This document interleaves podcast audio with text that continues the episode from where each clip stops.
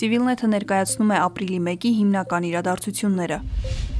Ազգային ժողովն այսօր առաջին ընթերցմամբ ընդունեց ընտրական օրենսգրքի փոփոխությունների նախագիծը։ Փաստաթղթին կողմ քվեարկեց 83 պատգամավոր։ Նախագծով ազգային ժողովի ընտրությունները հնարավոր կլինի անցկացնել པարս համամասնական ընտրակարգով գործող ռեյտինգայինի փոխարեն։ Բացի այդ, նորմեր են ներմուծվել կորոնավիրուսային հիվանդության պայմաններում ընտրությունների պատշաճ կազմակերպման եւ անցկացման համար։ Օրինակ, ավելացվում է նոր հոդված կարանտին սահմանելու դեպքում քվեարկության կազմակերպման համար, ինչպես նաեւ փոխվում է մանդատների տրամադրման կարգը։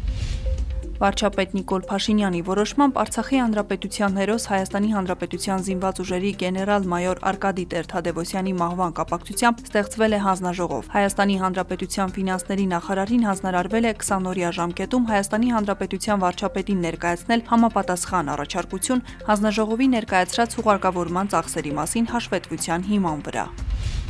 բարձր տեխնոլոգիական արդյունաբերության նախարար կդառնա Տավուշի մարզպետ Հայկ Չոբանյանը։ Կառավարության նիստում այդ մասին հայտարարեց վարչապետ Նիկոլ Փաշինյանը։ Մարտի 30-ին բարձր տեխնոլոգիական արդյունաբերության նախարար Հակոբ Արշակյանը լքել էր այդ պաշտոնը լրագրող Փայլակ Վահրադյանի հետ կապված միջադեպի պատճառով։ Հայկ Չոբանյանն ապրիլի 1-ին ազատվեց Տավուշի մարզպետի պաշտոնից։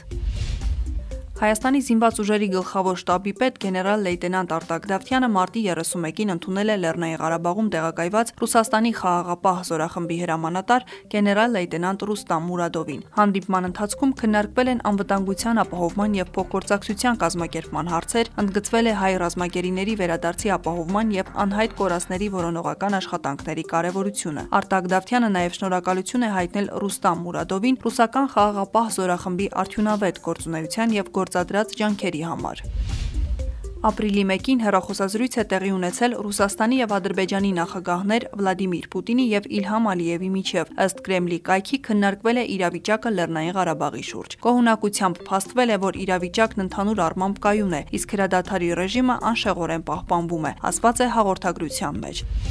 AstraZeneca պատվաստանյութի 24000 դեղաչափը դեռ չի բաշխվել բժշկական հաստատությունների միջև։ Պատվաստումներն էլ դեռ չեն սկսվել։ Այս մասին ապրիլի 1-ին կառավարության նիստից հետո լրագրողների հետ զրույցում հայտարարեց առողջապահության նախարար Անահիտ Ավանեսյանը։ Նրա խոսքով կան կատարվելիք որոշակի գործողություններ։ Հույս ունեմ, որ երկուշաբթի օրը մենք կկարողանանք ապահովել, որ մարզերում եւ Երևանում պատվաստանյութերն արկա լինեն, ասաց Ավանեսյանը։ Հարցին թե արդյոք Հայաստանը շարունակելու է ներգրել բրիտանա-շվեյցարական AstraZeneca պատվաստանյութ հաստանյութը, որն արգելվել է եվրոպական մի քանի երկրում, առողջապահության նախարարը դրական պատասխանեց նշելով, որ եւ AstraZeneca-ն եւ մյուս բոլոր պատվաստանյութերը, որոնք միջազգային մասնագիտական կառույցներից ունեն դրական եզրակացություն, կիրառվելու են Հայաստանում։